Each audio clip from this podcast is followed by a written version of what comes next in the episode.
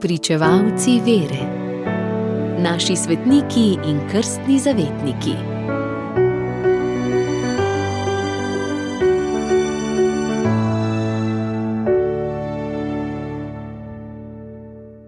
Danes zgoduje sveta Terezija iz Kalkute, redovna ustanoviteljica, sveta Mati Terezija, ki je zavetnica najbolj ubogih med ubogimi in tistih, ki se jim posvečajo. Cela vrsta je misli, ki nas lahko navdihnejo iz dneva v dan, tega se v tem letu dobro zavedamo tudi sodelavci Radia Ognišče, zato lahko vsako jutro slišite misel, ki je gotovo pravi kaži pot za nov dan in življenje. Med njimi tudi besede: Svetost ni nekaj izrednega, ni samo za redke izbrance, svetost je za vsakogar od nas preprosta dolžnost: sprejeti Boga z nasmehom, vedno in povsod.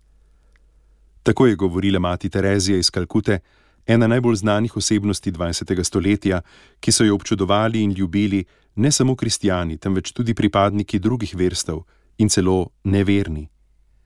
Ta izredna žena je namreč svoje besede potrjevala svojim življenjem, skupaj s svojimi sestrami, misionarkami ljubezni, ki jih je pritegnil njen zgled, je junaško, ponižno in ustrajno služila najbolj ubogim med ubogimi zato je bila vedno in povsod zgovorna pričevalka Evangelija.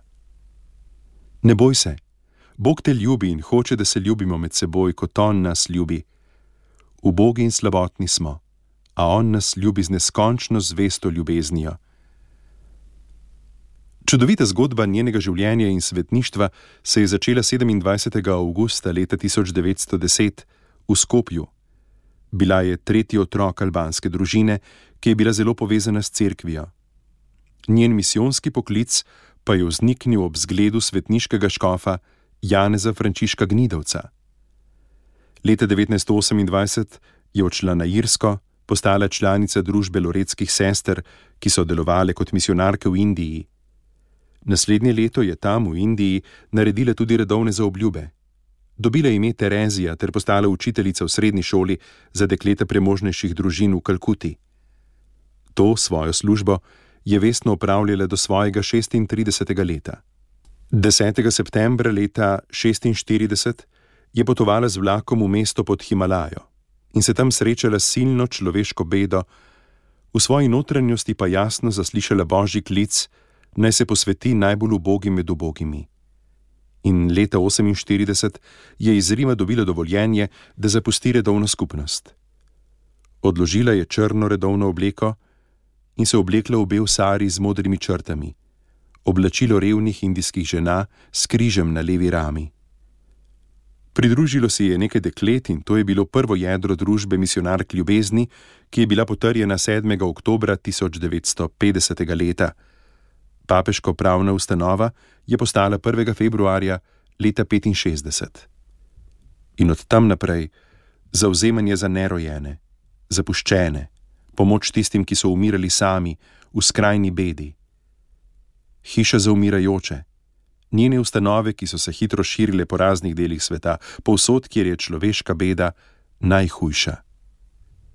Spričo neprestanih naporov se je zdravje te drobne, sključene žene začelo krhati. Leta 92 je v bolnišnici v Kaliforniji prestala operacijo na ožilju, morala je v bolnišnico zaradi težav s srcem, in to se je zavedno ustavilo 5. decembra leta 1997. Vedno znova je ponavljala besede: Služiti ubogim pomeni služiti življenju. In svet, njene besede, ne le na današnji godovni dan, vedno znova ponavlja še danes. Veseli smo, da je sveta Terezija iz Kalkute tudi sozavetnica naše radijske kapele. Radio Ognišče, vaš duhovni sopotnik.